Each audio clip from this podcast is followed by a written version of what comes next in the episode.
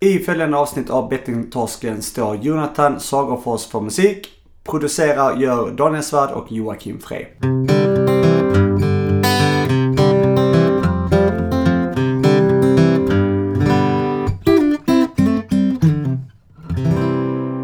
Hej! Hej! Du, du vet att det är avsnitt 66 va? Ja, Alltså det är otroligt många avsnitt. Devil's numbers. Det saknas en sexa i och för sig. Men eh, ändå. Ja. Ja. Är du ute i blåsten eller? men det var ett jävla gnäll va? Ja men jag gick ut här för att få lite täckning. Ja. Jag tror, nog Ja. det var, jag tror nog det var fel på min teckning. Det var nog inte fel på din. Ja men jag så, jo men det, jag såg att, ja det kanske var din också då, men jag såg att min var lite låg. Men eh, nu står jag i dörröppningen här då.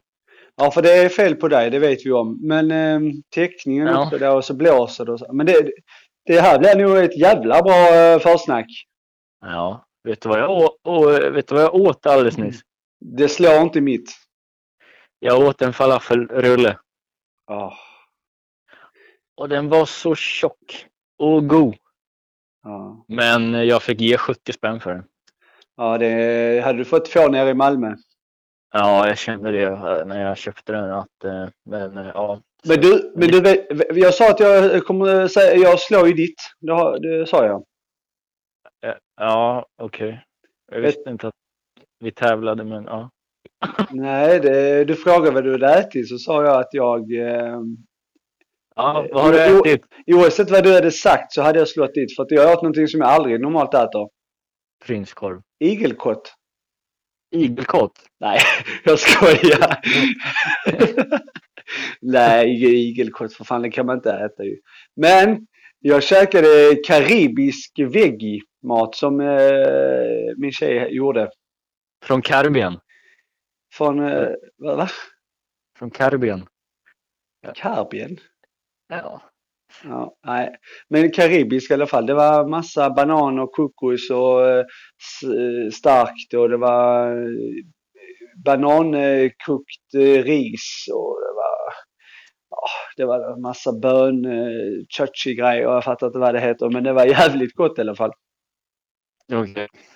Ja, ja. Och så paneringen var också kokos och chili och allt möjligt på de här veggie-bitarna. Ja, det var fint. Och bröd på det. Bra på det. Mm.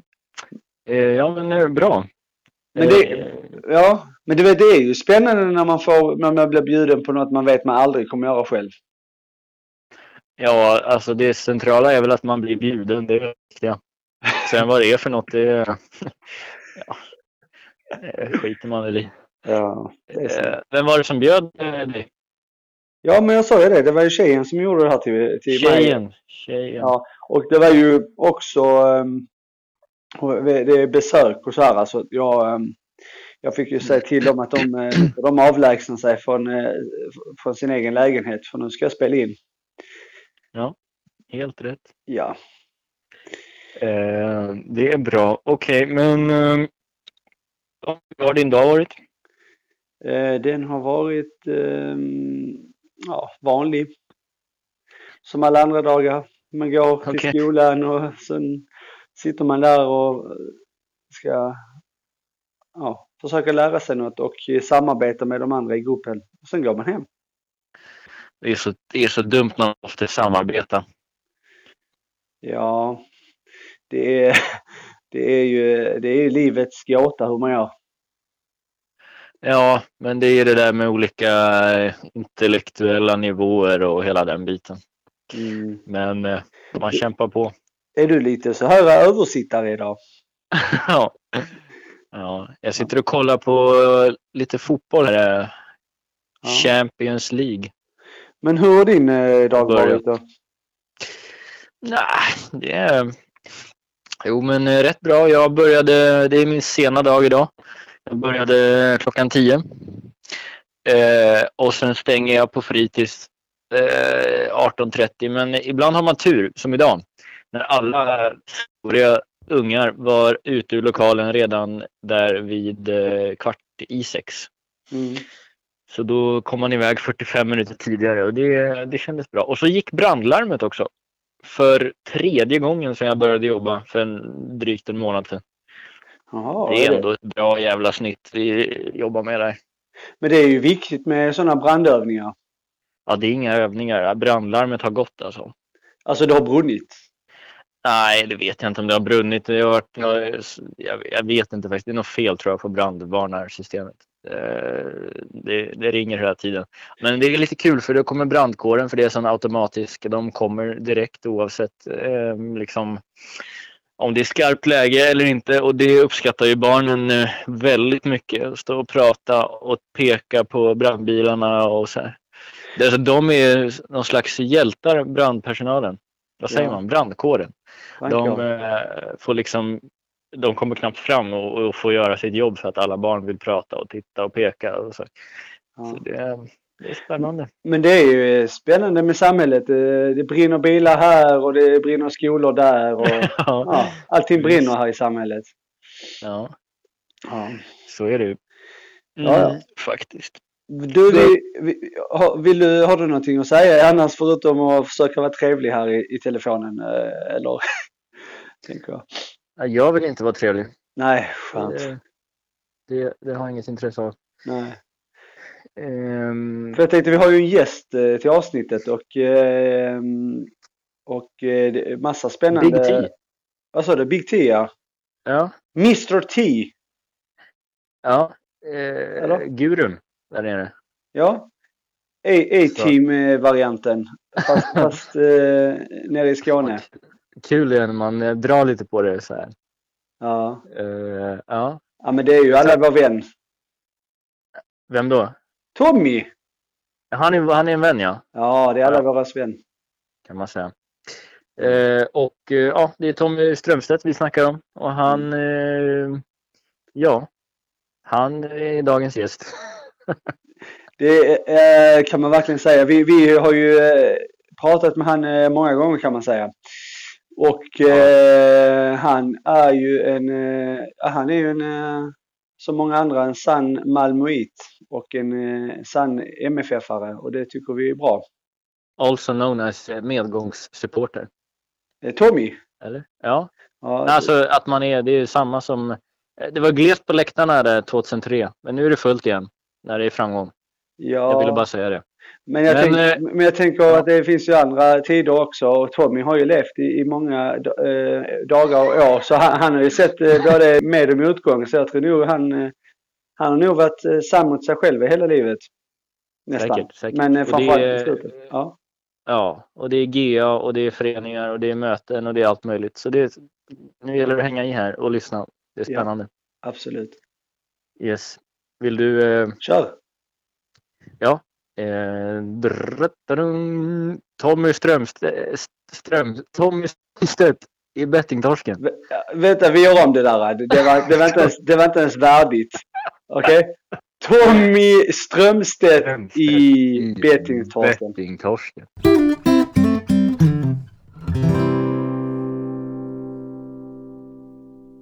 Ja, då är vi här med Tommy. Tjena!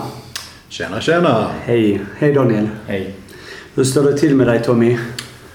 Det är väldigt bra idag. Mm. Jag vaknade spelfri idag också. Ja, det är gött.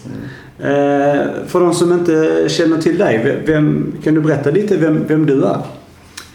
Eh, lite kort, eh, jag är en man på 63 år. Eh, har, eh, är gift.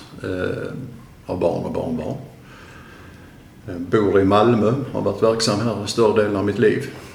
Eh, har eh, i många år jobbat med spelberoende. Eh, har själv en ryggsäck med min spelberoendeproblematik. Historiskt. Lite kort så. Ja. Vad, vad gör du annars om dagarna? Vad jobbar du? Du sa, eller sa du precis? Eh, Sitter jag och sover? Nej. Nej. Nej.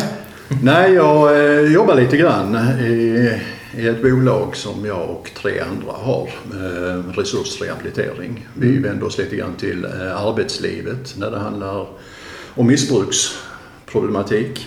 Informerar, eh, behandlar, föreläser. Jag gör det någon, några dagar i veckan.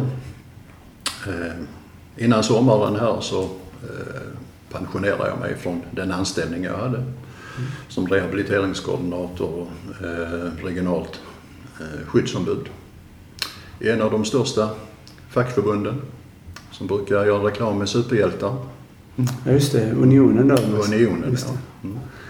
Vad heter den superhjälten eh, nu igen? Eh, Fan. Jag hade en sån quiz om de här superhjältarna. Det finns ju två va? Superhjältar. En tjej och en kille. Ja, det finns eh, flera stycken. Ja, det finns men, flera, kanske. Organizer är det väl det Organizer, just det. Så var det ja. Har du gjort en quiz om hjältar? Nej, det var med i quiz om eh, vad de hette då. Mm. Jag hade rätt. Ja, Men jag glömde Nice. bort det nu. det är som teoriprovet. Man lär sig ju alla frågor precis, innan man ska göra det. Ja. det.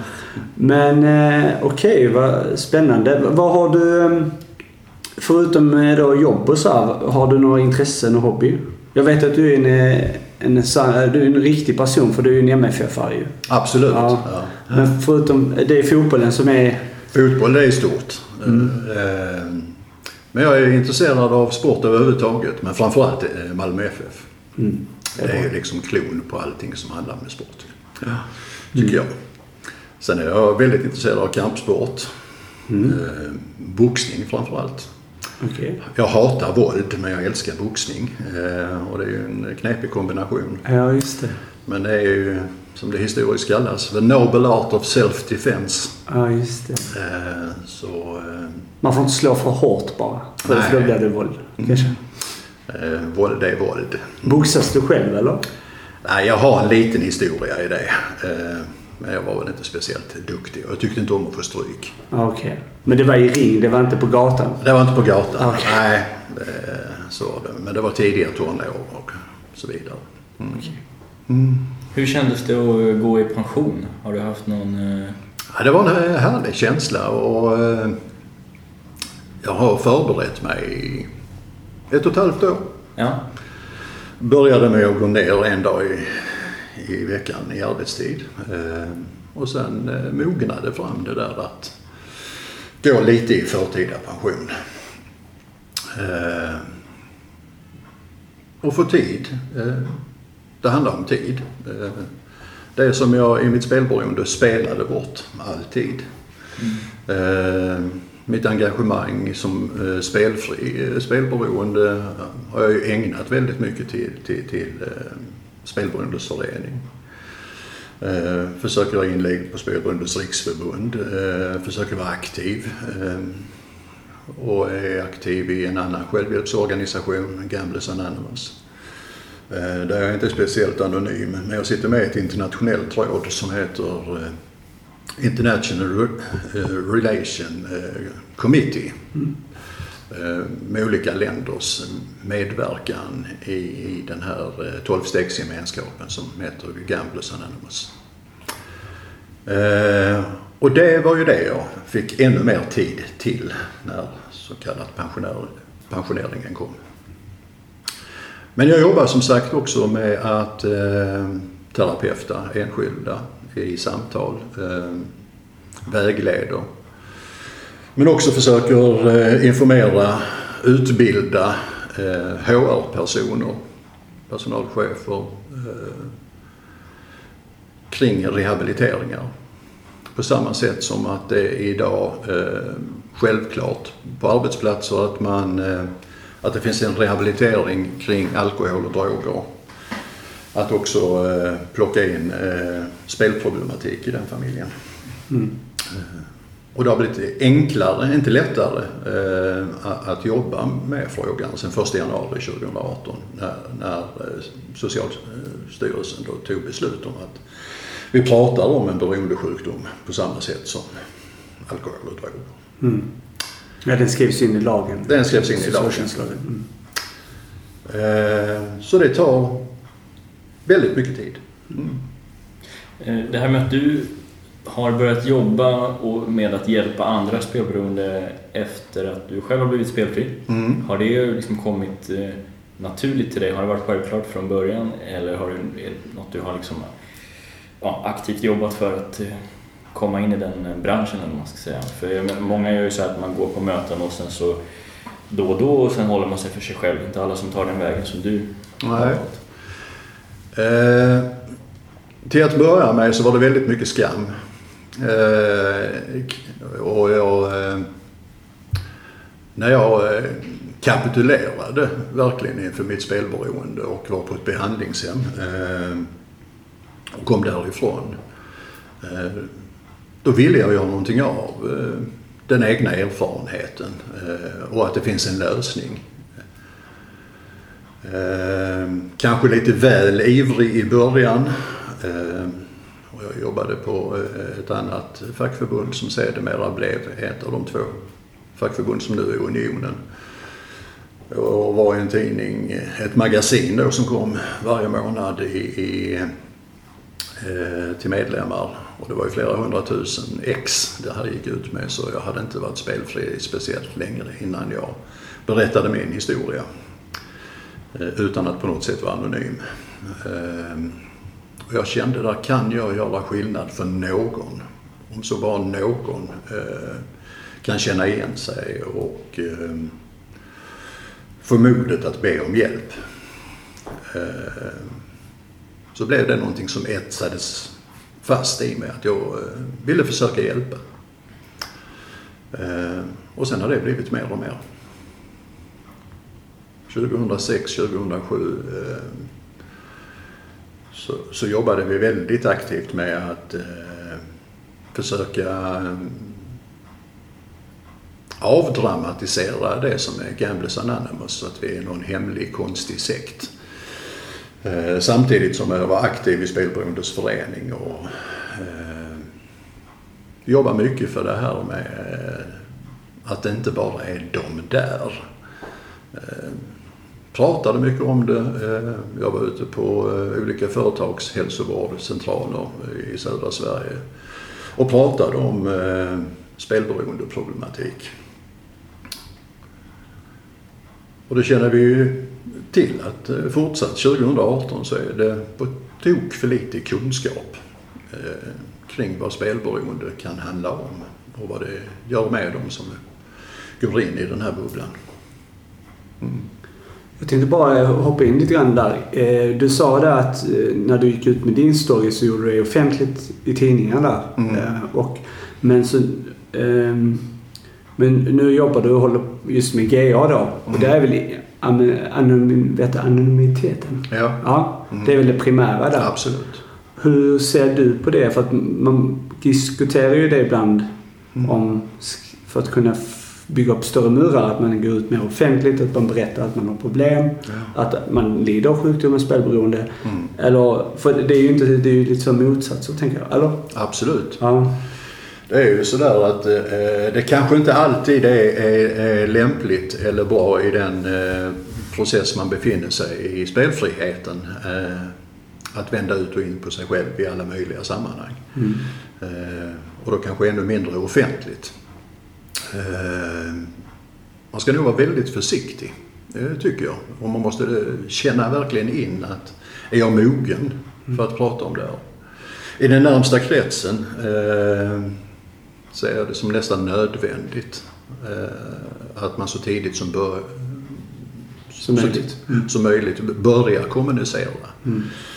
Eh, för när vi inte längre har spelet, eh, bubblan-spelet som jag kallar det, eh, så är vi an- annorlunda som människor och i våra beteenden. Mm.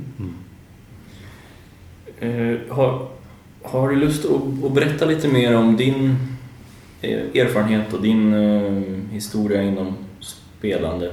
Mm. Hur du har, hur, ja, vad lockade dig och, och hur, hur har resan sett ut och Mm hur lyckades du ta dig ur det? Ja, eh, ju längre tid jag har varit spelfri, jag har varit spelfri nu i 14 och ett halvt år, eh, så kan jag säga att det här började väldigt tidigt. Eh, redan i 10-12 års åldern så var jag väldigt fascinerad av spel. Eh, det var ju på en helt annan nivå men eh, jag kan ju dra mig till minnes att jag lockades gärna till, till, eh, på tivoli och så vidare till, till, till eh, den typen av spelmaskiner. Och där det blinkade och det var mycket ljud och grejer. Jag kunde vara på fritidsgården och eh, man skulle gå dit med kompisarna och spela inne, innebandy men jag blev oftast hängande vid ett flipperspel.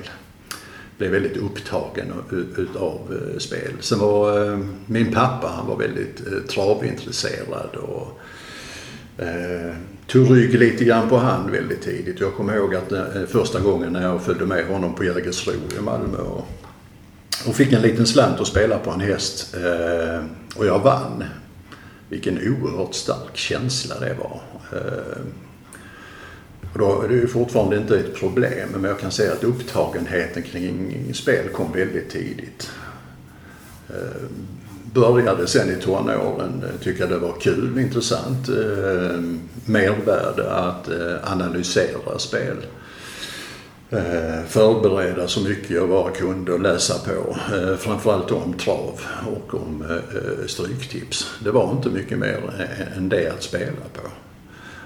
Senare på 90-talet när det, eh, spelen blev mer och mer varje dag-spel eh, så blev det en vana att spela eh, dagligdags.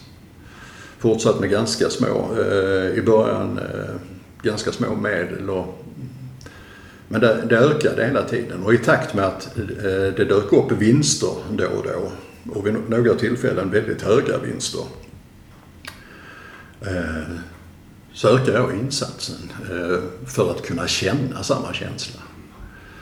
Eh, en tillvänjning av, av spelet men också en, en, eh,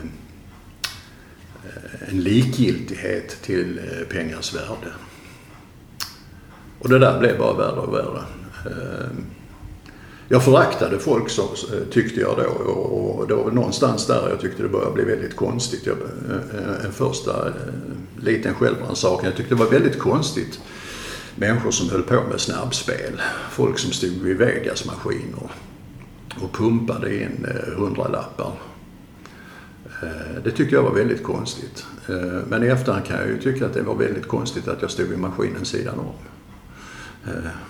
och pumpade in pengar till det tog slut.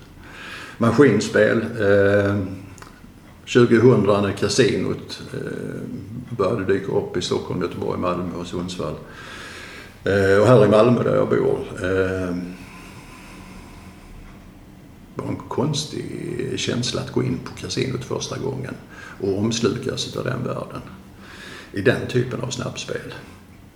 Eh, 2001, 2002 så, eh, så hade jag släppt det här med, med, med eh, vad jag tyckte var analytiskt spel och skicklighetsspel. Utan jag, spelade, jag, hade ett behov av att spela på, eh, på något. Dag för dag. Och det gjorde jag.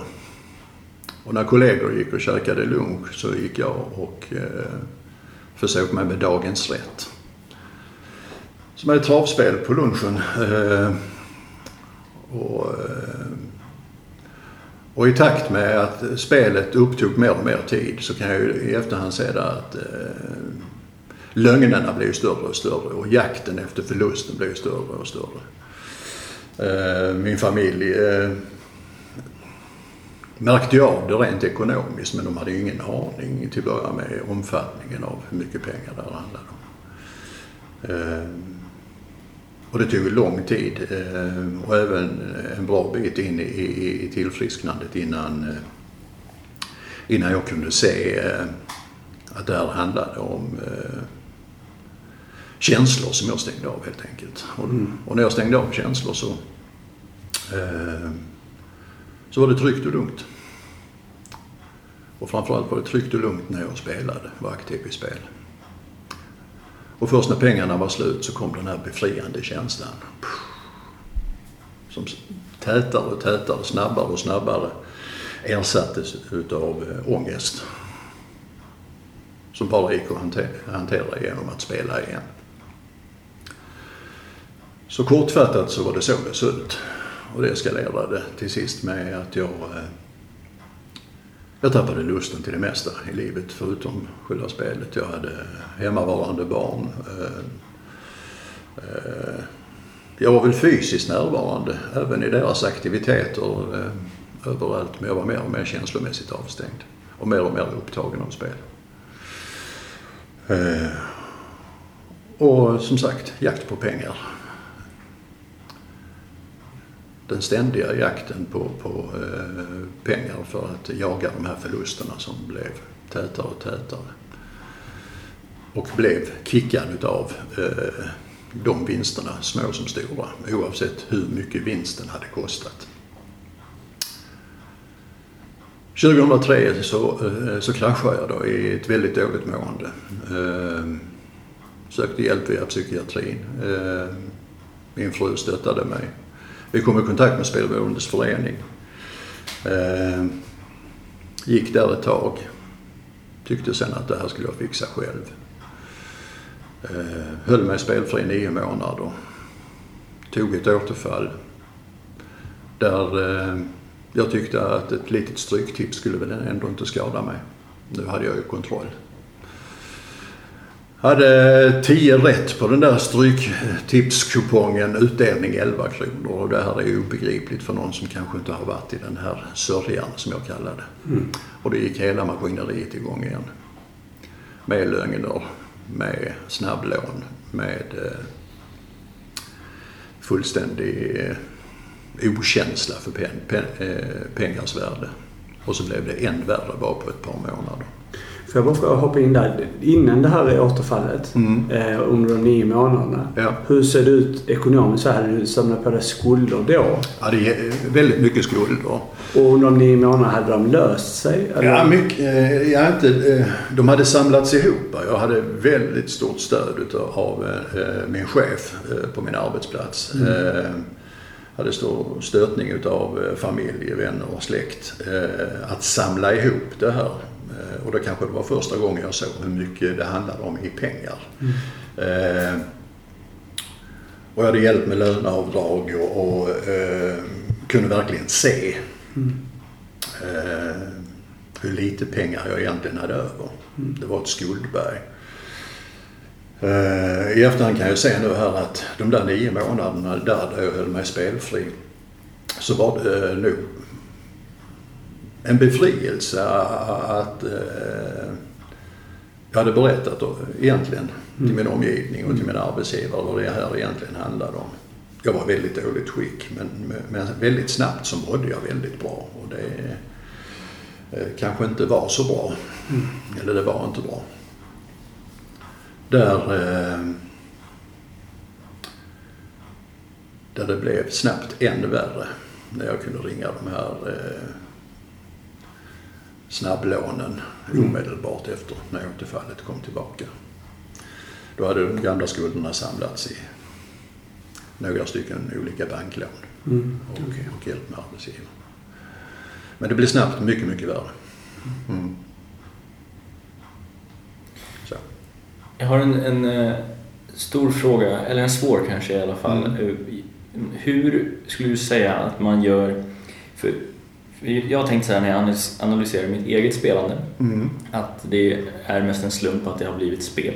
Att om någon kanske hade introducerat mig till kanske fallskärmshoppning eller något annat eh, liksom, mm. som man får en kick av så hade jag kanske aldrig börjat spela utan gått all in på det istället. Att man främst söker kickar då hela tiden mm. och vill känna att man lever. Liksom. Mm. Hur, eh, hur tycker du att eh, man ska jobba med det här i sin spelfrihet? För jag har upplevt att det är kan vara en ganska svår grej att deala med. Att mm. De här kickarna som man har upplevt i spel är väldigt svåra att ersätta. Ju. Ja. Eh, jag är ju nykter också, jag dricker inte alkohol och eh, jag kan ju säga att på 90-talet så var jag ju så... Jag blev lite hög av att faktiskt hantera mitt eh, alkoholmissbruk. Och i den här promillefriheten så såg jag inte hur full jag var.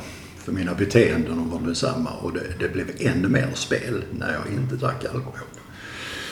Eh, jag kan jämföra eftersom jag har, har, har den eh, problematiken eh, med mig också att en gång i tiden så fungerade ju alkoholen. Eh, det där första glaset. Eh, det där andra glaset när ruset kom. Eh, och när ruset gick över så gick det över i någon typ av lugn. Eh, när jag började dricka allt mer och allt eh, mer ofta och dagligdags eh, så försvann ju den där effekten av ruset. Och det, det, till att börja med så kom ju lugnet.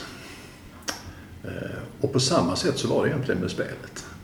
Det där ruset, den där eh, som ibland ledde till, till, till en kick, Eh, det försvann. Eh, men det var lugnt och skönt när jag väl spelade. Eh, och på samma sätt så var det lugnt och skönt eh, när jag drack alkohol.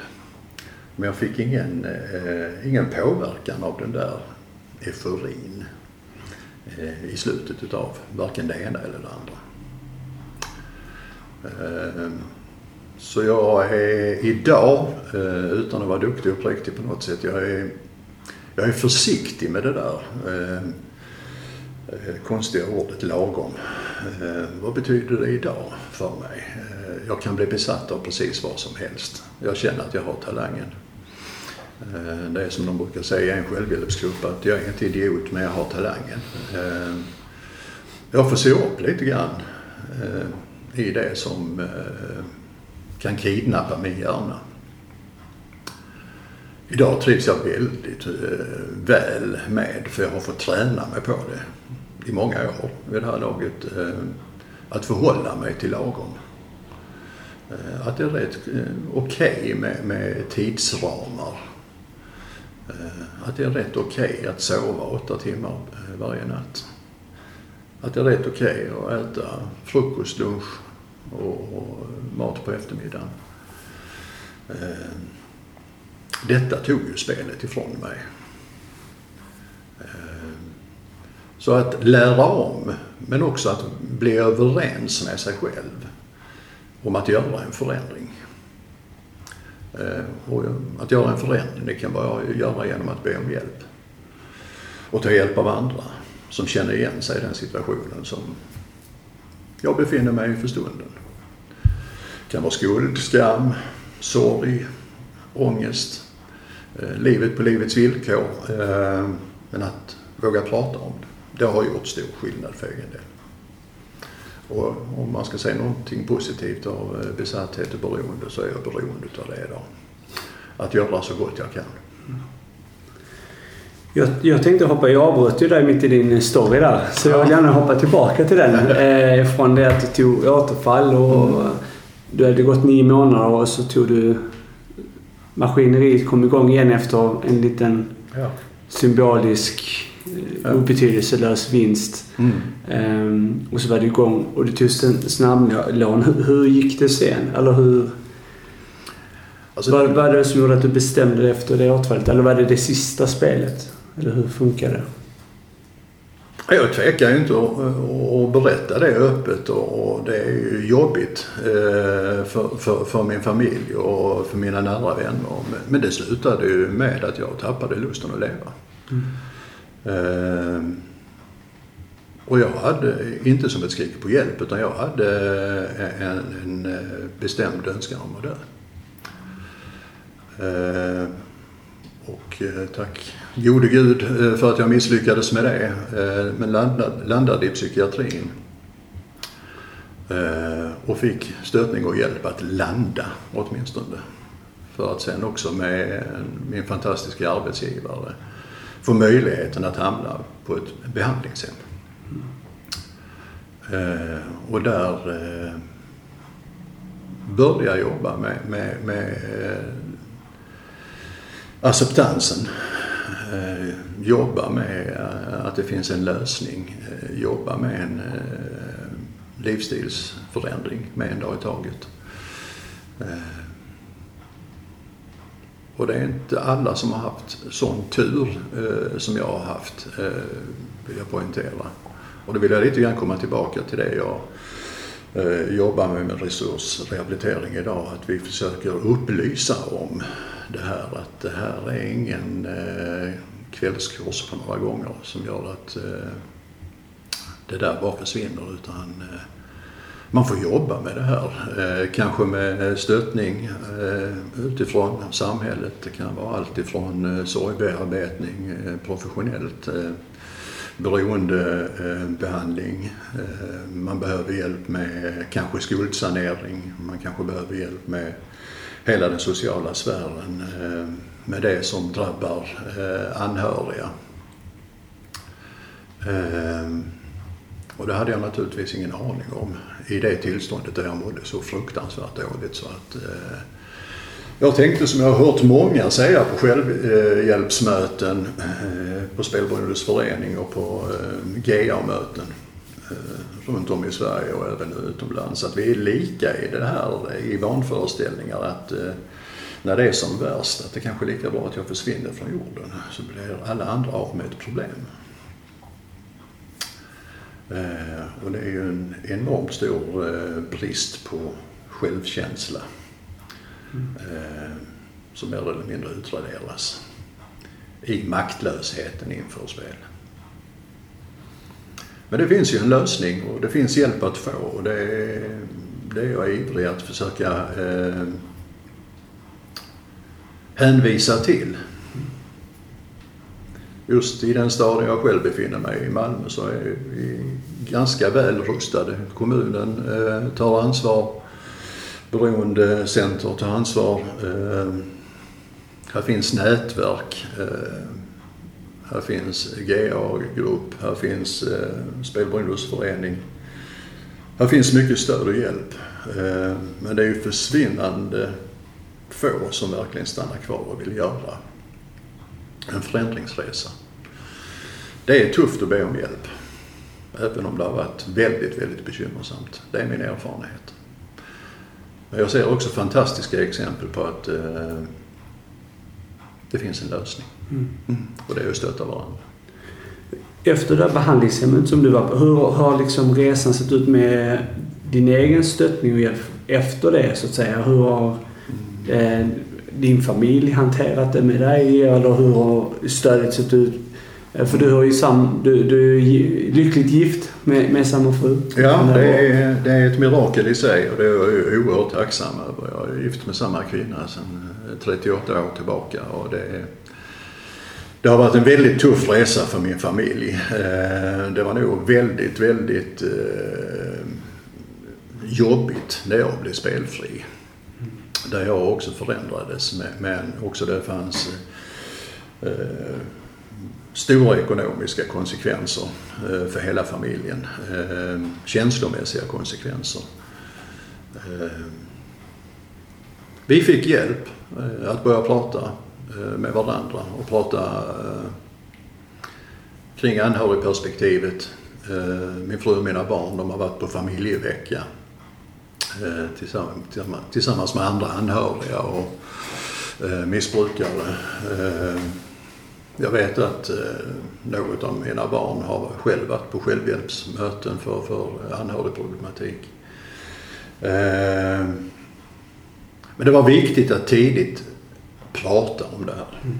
Prata om det här, att inte lägga en våt filt över det utan att ha en öppen dialog kring vad, vad, vad, vad som hade hänt och hur vi skulle gå vidare. Och, och eh, vilka gränser som var tvungna att sättas. Att det fanns krav? Liksom. Det var stora mm. krav eh, som jag är jättetacksam för att min familj orkade med. Mm. Eh, att sätta dem och hålla fast vid dem. Men det är ju extremt hoppfullt. Men det är, det, man hör ju det väldigt ofta när det gäller just anhörigperspektivet att det är ju väldigt, väldigt tufft. Och anhöriga känner kanske inte att det någonsin kommer byggas upp någon form av tillit. Och det är ju ett levande exempel på att, att det, resan är tuff men den går. Um, och det är ju väldigt hoppfullt jag tänker jag, för, för alla, alla människor där ute. Mm. är din erfarenhet också att man ska vara eh, att, att man ska eh, på något sätt försöka hjälpa och guida sina anhöriga i processen eller ska man låta dem jobba liksom på sitt eget sätt och låta det ta den tid det tar? Och, och också så här, kan, man, eh, kan man kräva tilliten tillbaka eller är det bara att, att backa där och, och hoppas på det bästa? Jag tycker det är en jättebra fråga. Eh, jag kan inte kräva eh, att min familj känner tillit till mig. Men jag kan känna att jag får tillit mer och mer genom åren. Det som inte jag brydde mig ett dugg om eh, när jag själv var aktiv, eh, det var ju eh, min omgivnings hälsa. Idag är jag nog väldigt mån med om att påtala när jag ser ohälsosignaler i min egen familj. I smått eller i stort. Och jag kräver inte att de ska söka hjälp. Men än en gång. Det enkla vardagliga eh, jag försöker eh, använda mig av. Det, det, det är det enkla i feedback.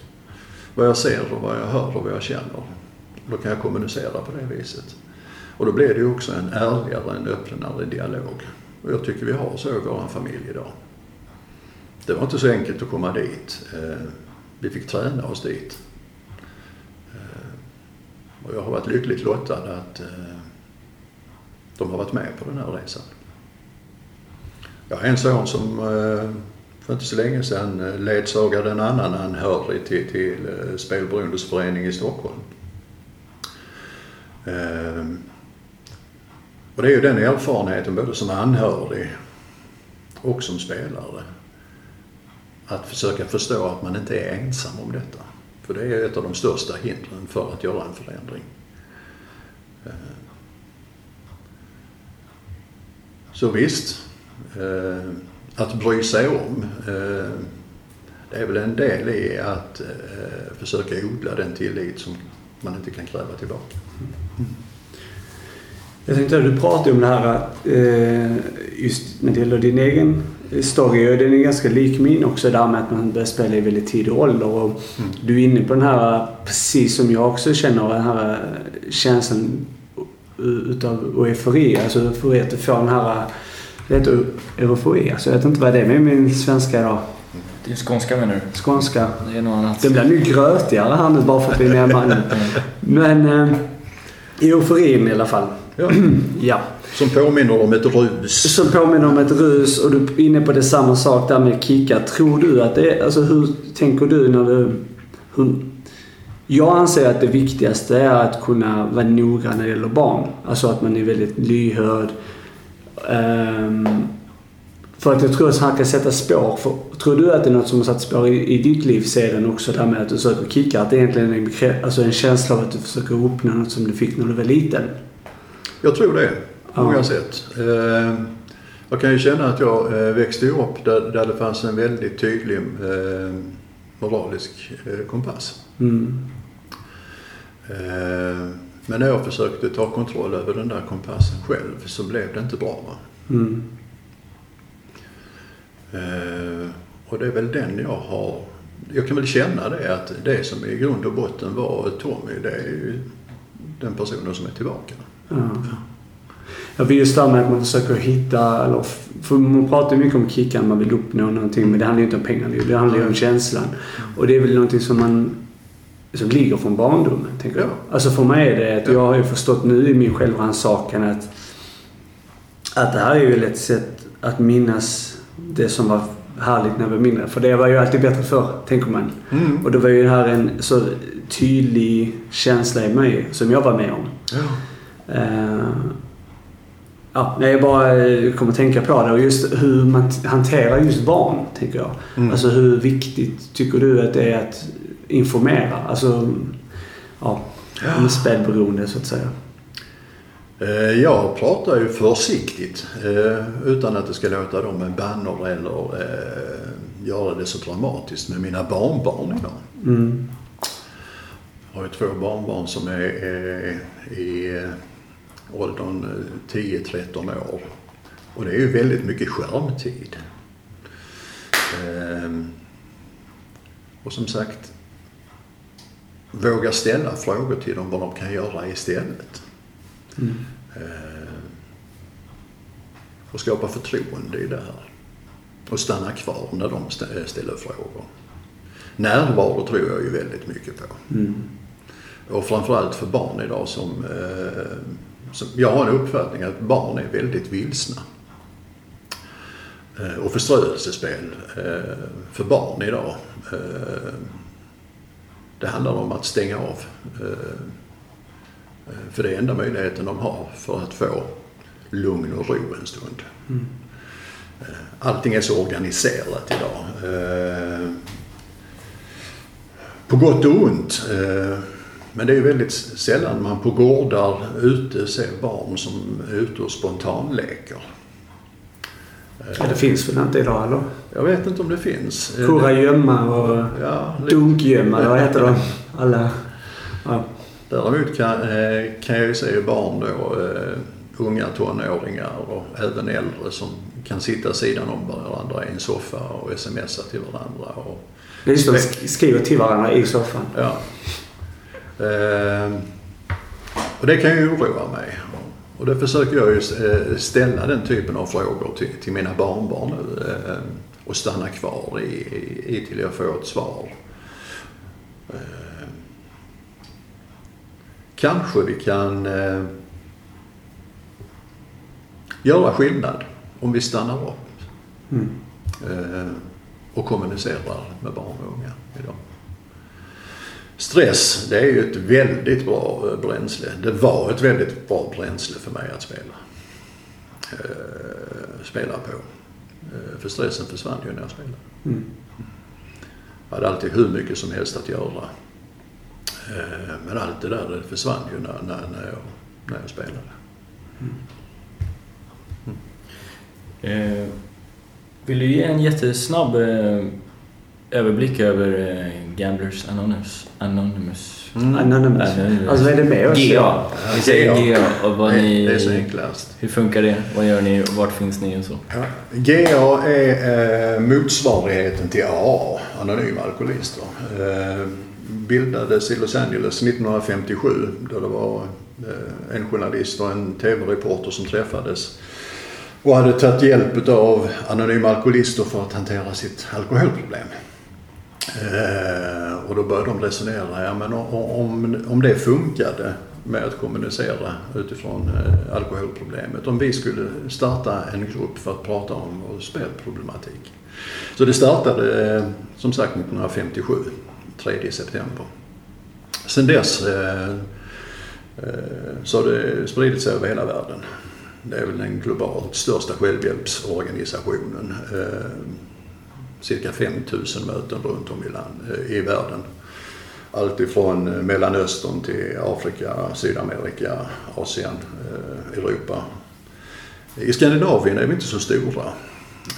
Men här finns ju väldigt många andra självhjälpsgrupper, organisationer som är väldigt, väldigt bra.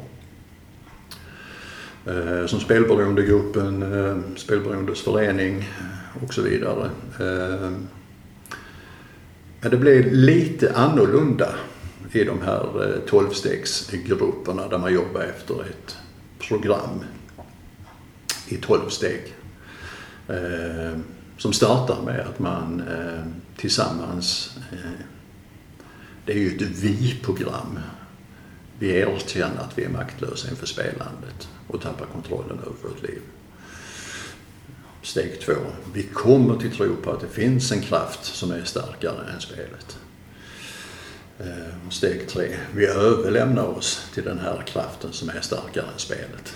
Och det är många som har en uppfattning av de här tolvstegsprogrammen att det är religiösa Ja, jag program. skulle precis säga det.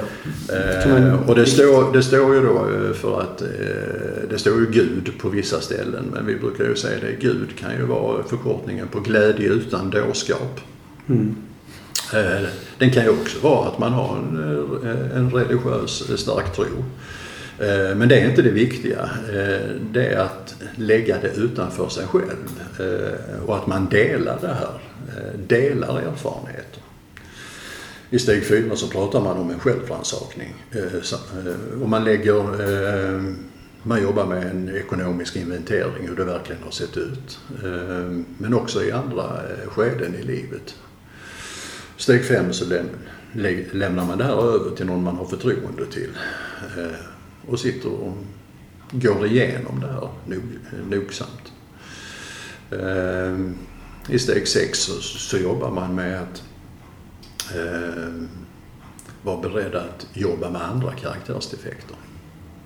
Och i steg sju så går man till handling. Steg åtta så eh, gör man upp en lista på personer man har gått illa eh, och är beredd att börja gottgöra de här människorna. Eh, inte kräva förlåtelse men att faktiskt möta de här personerna. Kanske få en ursäkt, kanske göra rätt för sig. Kanske betala tillbaka den där skulden som är långt tillbaka i tiden. Mm.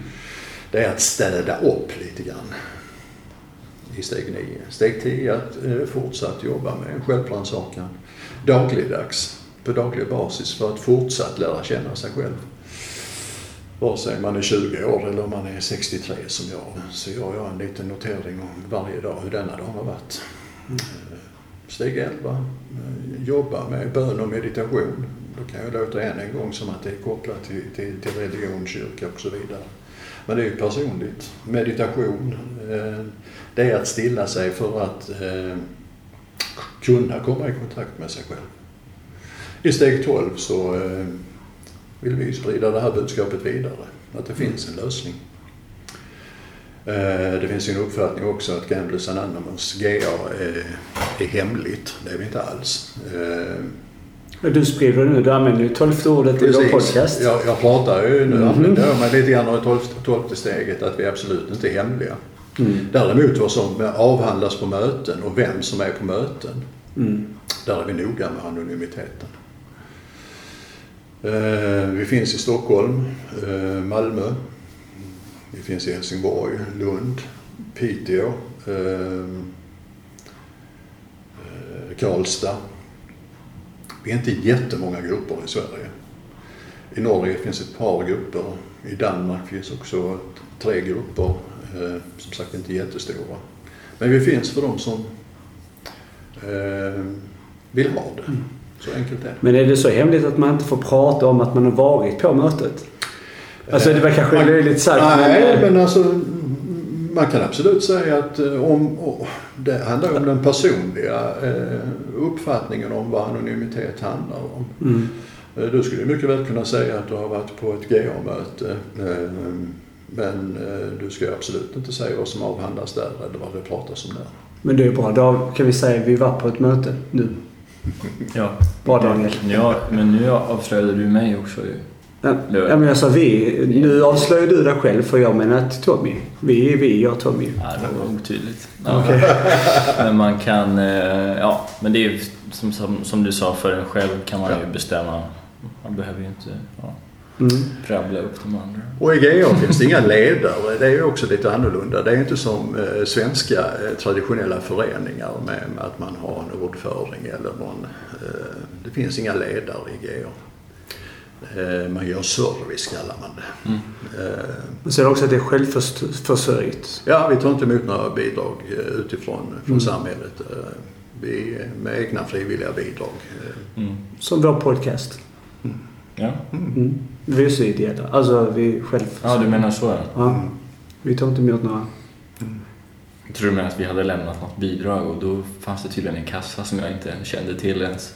Ja. Att vi hade pengar. Jaha, nej. Nej, det har vi inte. Ja, precis. Nej, det är samma upplägg.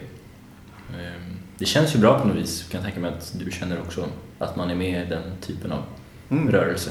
Ideellt Absolut. och... Eh, det är ju ideellt arbete i den biten. Eh, och jag försöker ju skilja på den här ideella eh, delen av mig själv som handlar då om GA och Spelberoendes förening och det som jag eh, jobbar med professionellt då, mm. eh, till viss del. Eh, och där jag eh, kommer att jobba så mycket mer med arbetsplatser. Mm. Eh, arbetsplatser när man pratar med chefer och HR eh, så, vill de, ja men vilka signaler ska vi titta efter? Jo, jag brukar säga det att när generella ohälsosignaler dyker upp Eh, då har ju arbetsgivaren skyldighet att utreda vad är det som händer. Mm. Eh, de ska inte vara några specialister men de ska också veta att de kan söka hjälp. Mm. Det finns ju eh, många öppenvårdsenheter i Sverige. Eh, Men eh, fortsatt så är det ju låg kunskap i många kommuner. Eh, Hoppas verkligen på att det kommer bli, bli så mycket bättre. Jag är en stor fan och eh, förespråkare för, för stödlinjen. De gör ett fantastiskt arbete. Eh, dyker det upp ett nytt eh, GA-möte någonstans i Sverige så ringer jag alltid till dem och informerar dem. Eh, dyker det upp eh, på samma sätt som Spelberoendes riksförbund informerar stödlinjen. Och kontaktpersoner ute i, i, i, landet där stöd, stöd och hjälp finns. Men en utmaning framöver det blir att det här också kommer att hanteras på arbetsplatser på samma sätt som om det skulle dyka upp ett alkoholproblem hos en medarbetare. Ja, för där tror jag nog kunskapen bland företag och företagsledning är extremt låg.